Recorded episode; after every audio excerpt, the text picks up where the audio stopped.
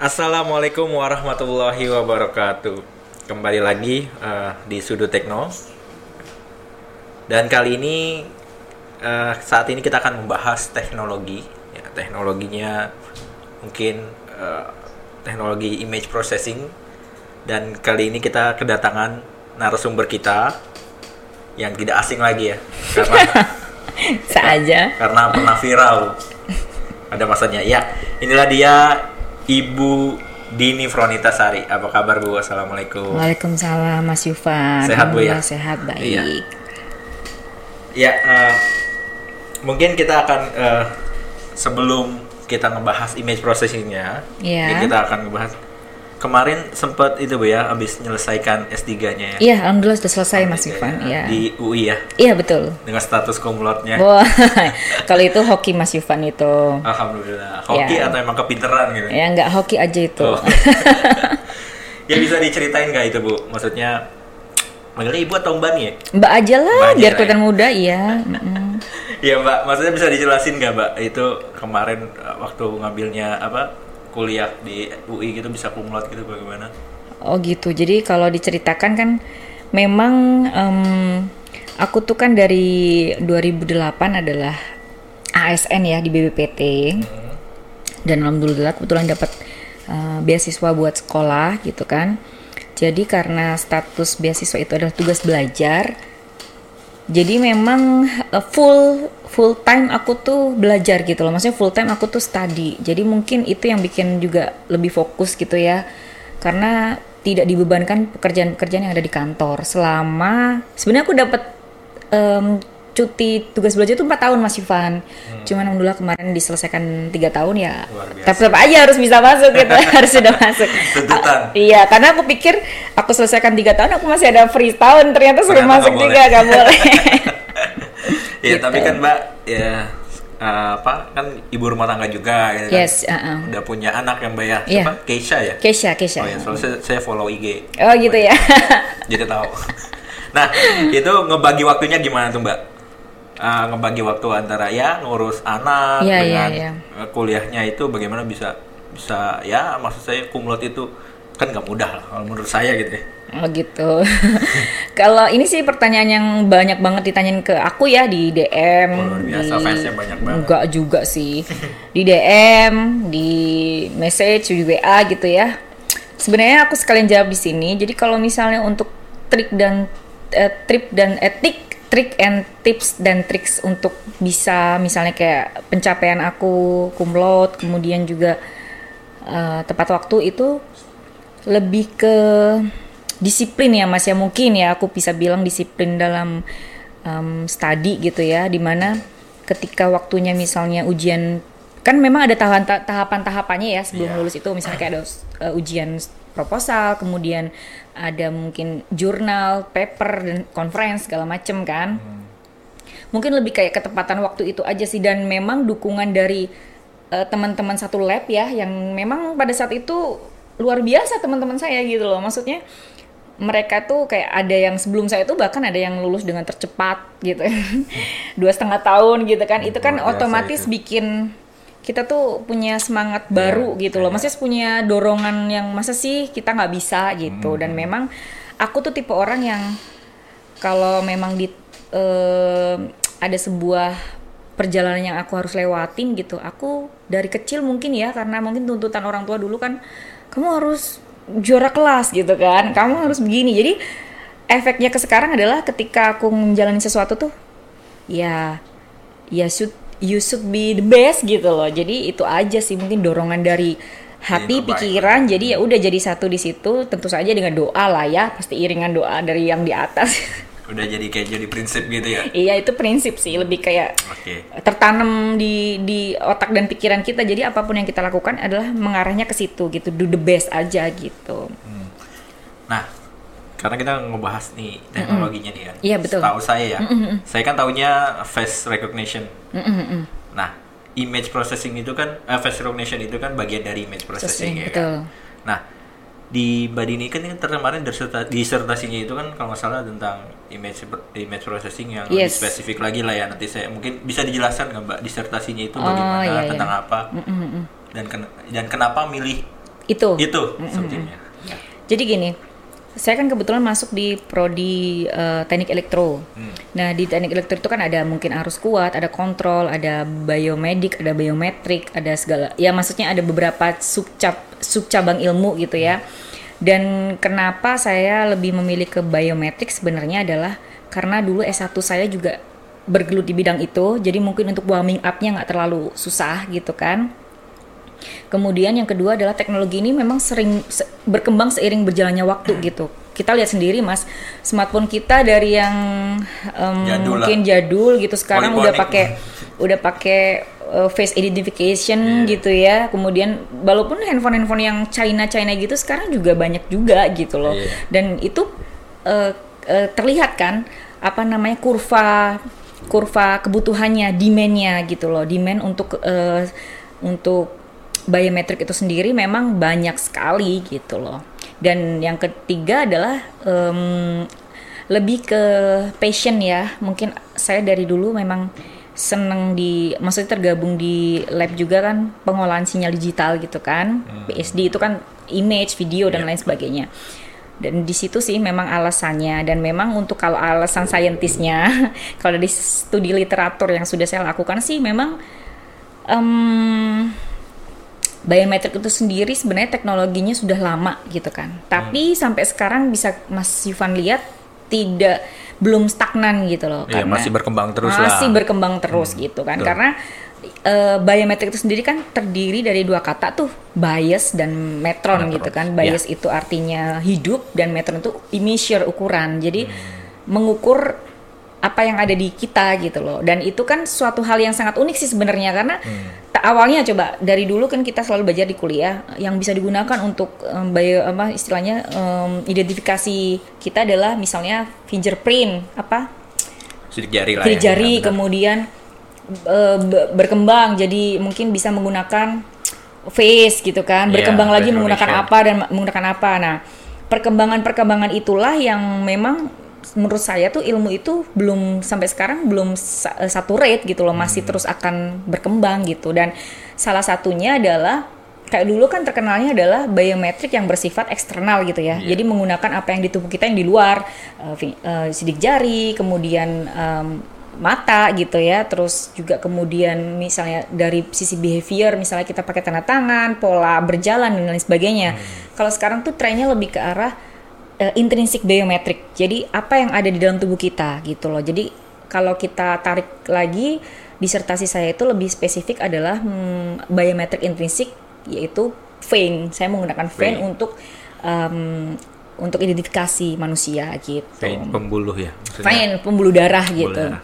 Kebetulan sih area yang saya gunakan tangan karena mengingatkan tangan itu kan secara apa mobilitas kan lebih gampang ya daripada kita ke muka gitu dan bagian tubuh yang lain gitu.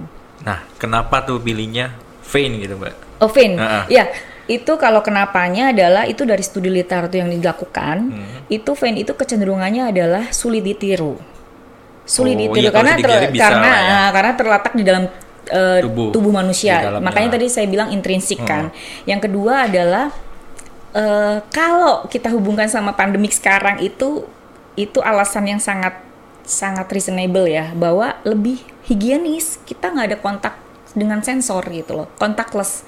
Jadi eh, vein itu adalah salah satu first identification in the world. Jadi memang contactless itu yang bikin kita mungkin teknologi ini sangat diperlukan di masa pandemik ini gitu. Terus yang ketiga adalah dari sisi ekonomis bi- kira jika kita bandingkan dengan sensor-sensor misalnya anggaplah iris gitu Iya. iris atau retina itu sangat mahal, Mahal banget, banget pasti. gitu. Nah, kalau si vein ini adalah Hmm. sensor yang digunakan untuk akuisisi akuisisi citra tidak terlalu mahal, tapi security-nya hampir menyamai iris. iris gitu. Itu dari studi literatur yang sudah saya lakukan selama du- tiga tahun Dia itu. menggunakan apa? Kamera atau Infrared. infrared? Yes. Oh, jadi infrared dari 640 nanometer sampai 900 eh 880 nanometer gitu. Jadi memang ada range tersendiri untuk mengakuisisi sebuah citra vein di dalam tubuh manusia gitu. Hmm, Oke, Mbak.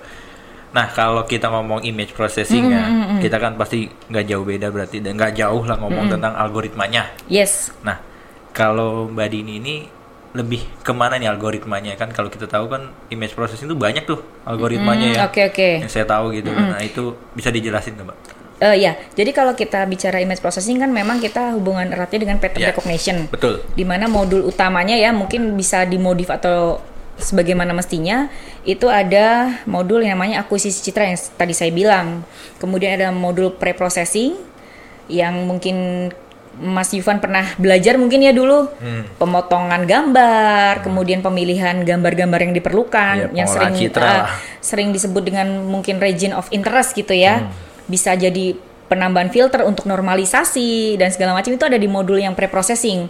Kemudian yang ketiga adalah modul ekstraksi ciri. Eh, Nah, inilah modul inilah yang menurut saya tuh celah risetnya masih sangat banyak gitu untuk dikembangkan. Dan yang keempat adalah modul eh, matching gitu kan. Matching itu bisa pakai CST, bisa pakai eh, neural network atau KNN Ya, atau KNN, ya. yang lain lah sebagainya masih banyak gitu. Cuman eh, saya disertasi saya itu adalah ke metode ekstraksi ciri di mana saya mengembangkan sebuah metode ekstraksi ciri yang bisa mengekstrak sebuah citra vein eh, menjadi eh, suatu ciri yang men- eh, istilahnya mengidentifikasi manusia dari situ gitu. Oke. Nah, kalau ini kan kalau kita ngomongin Yes. image processing tadi kan nggak jauh berarti ini kan tujuannya Mbak. Iya iya iya. Nah, tujuannya Mbak Dini uh, bikin model atau apa Model ya? model modelnya kan model, ya. model Simulation ada. simulationnya. Nah, itu tujuannya itu nanti ke depannya itu Ya. mau seperti apa Mbak?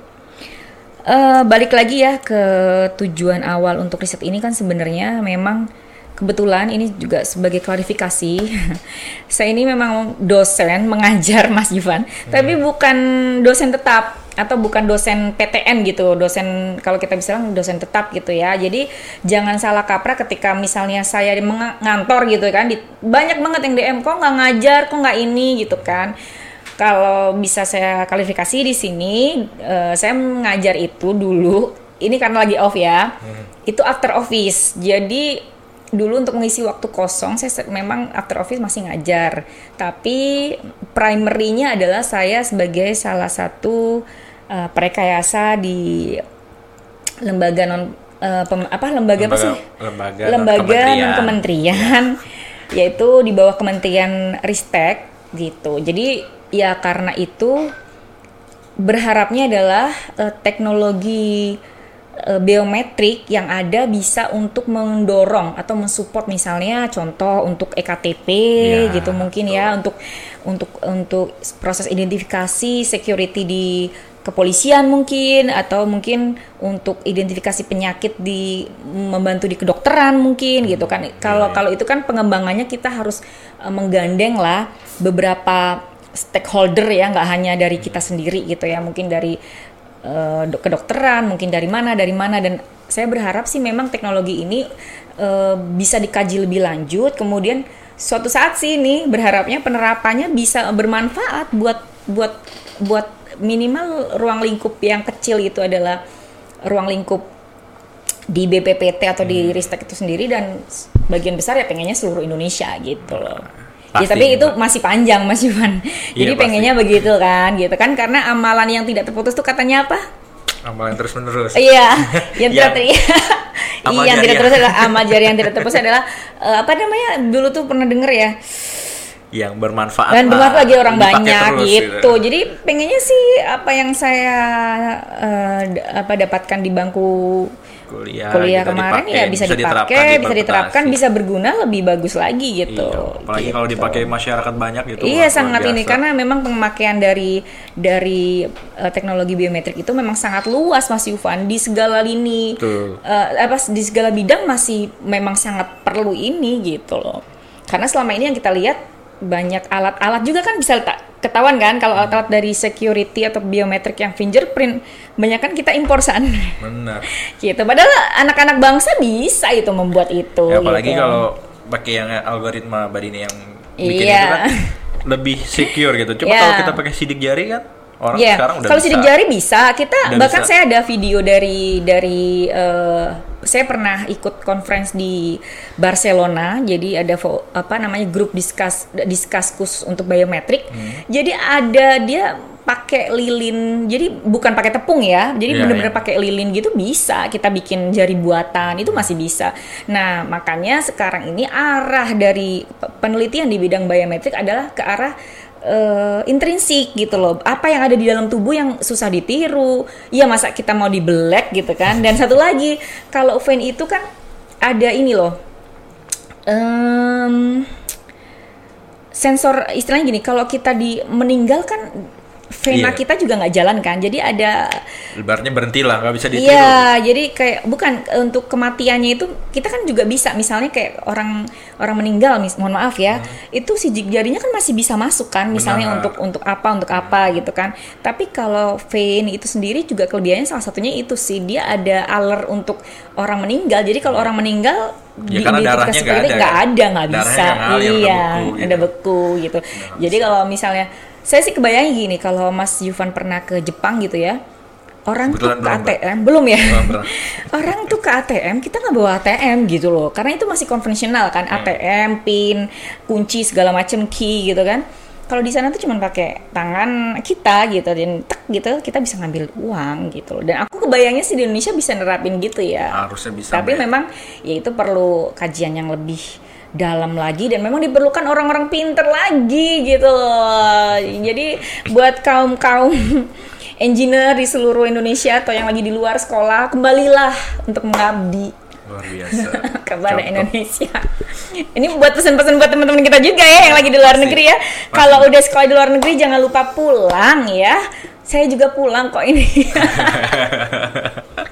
Enakan di sana katanya. Mbak. anak-anak di sana ya jangan dong jangan pulang ya karena bernegara. negeri ini membutuhkan kita semua gitu apalagi kita udah, dikuliahin udah sekolahin gitu Oke nih Mbak. Mungkin kalau kita ngomongin apa, kayaknya kalau ngomongin image processing lebih banyak lagi nanti ada lagi AI atau gimana gitu kayaknya banyak, banyak gitu, banyak banget iya iya ngomongin iya iya itu bagian dari artificial intelligence Iya, juga kan benar. gitu Jadi, kan Mungkin eh, karena waktu juga kan ya. Yes. Eh, karena waktu juga jadi kita sudahi dulu sampai Iya. di sini. oke semoga bermanfaat lah Semoga Iya, iya. bermanfaat. Ya, sekali lagi ya, eh, Iya. teman-teman terima kasih atas atas perhatiannya dan kami ucapkan assalamualaikum warahmatullahi wabarakatuh. Waalaikumsalam warahmatullahi wabarakatuh